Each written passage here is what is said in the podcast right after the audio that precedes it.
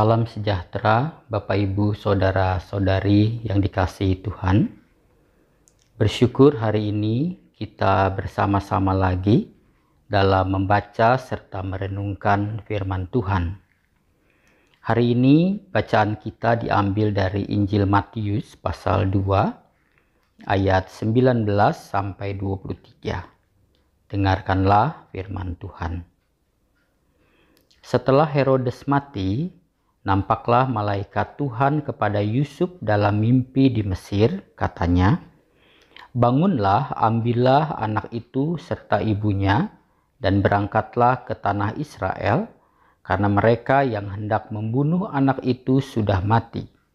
Lalu Yusuf pun bangunlah, diambilnya anak itu serta ibunya, dan pergi ke tanah Israel. Tetapi setelah didengarnya bahwa Arkelaus menjadi raja di Yudea menggantikan Herodes ayahnya, ia takut ke sana. Karena dinasehati dalam mimpi, pergilah Yusuf ke daerah Galilea. Setibanya di sana, ia pun tinggal di sebuah kota yang bernama Nazaret.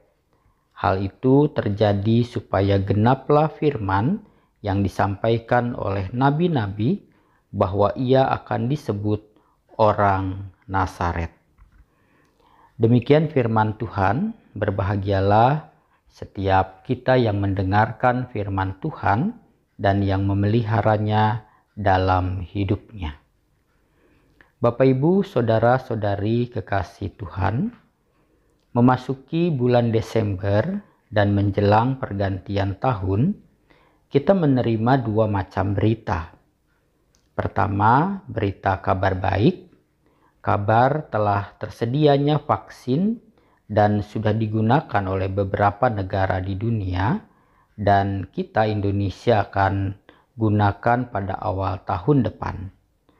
Tentu berita ini saudara-saudara adalah berita yang membawa harapan baik bagi dunia maupun bagi kita. Tapi di sisi lain ada berita buruk yang kita terima, yaitu berita mengganasnya virus corona.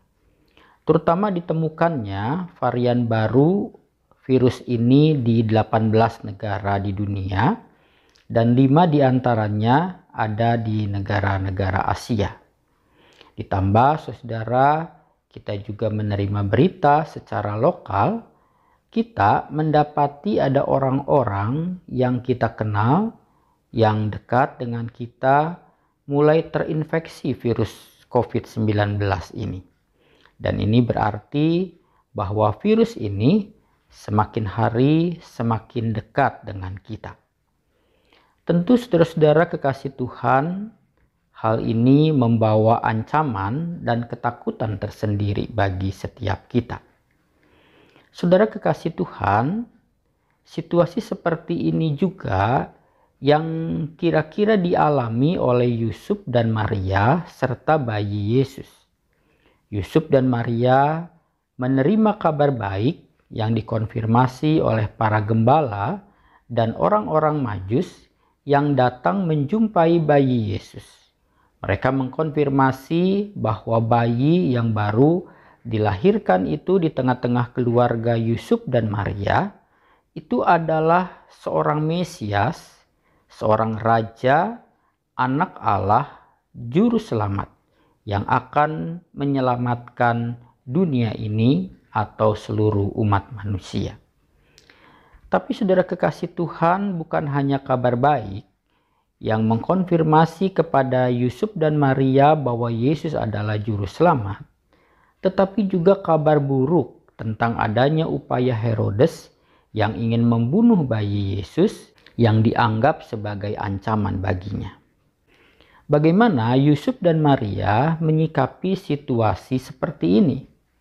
Pertama, saudara, kita dapati bahwa mereka tetap percaya pada kabar baik yang membawa harapan bagi dunia bahwa Yesus adalah Mesias Juru Selamat.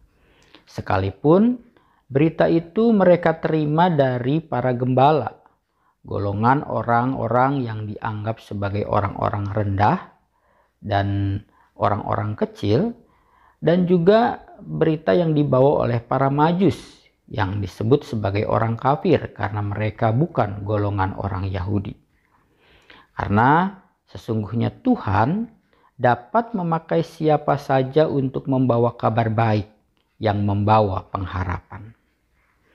Kedua, saudara, di tengah ancaman dan ketakutan, Yusuf dan Maria memilih untuk tetap percaya pada firman Tuhan yang disampaikan kepadanya melalui malaikat di dalam mimpi. Mereka dikatakan berangkat dari Mesir kembali ke Israel dan kemudian berbelok ke Galilea dan tinggal di Nazaret.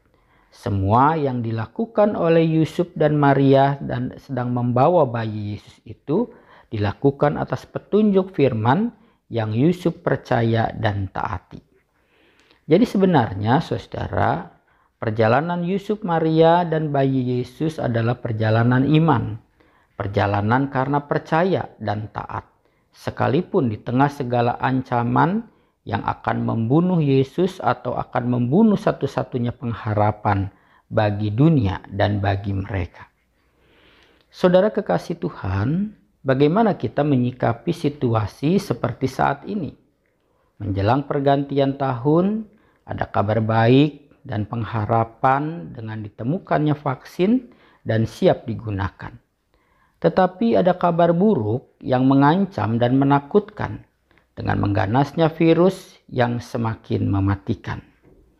Saudara kekasih Tuhan, percayakah kita bahwa segala kebaikan dan pengharapan yang sungguh menjelang pergantian tahun ini sumbernya adalah dari Tuhan?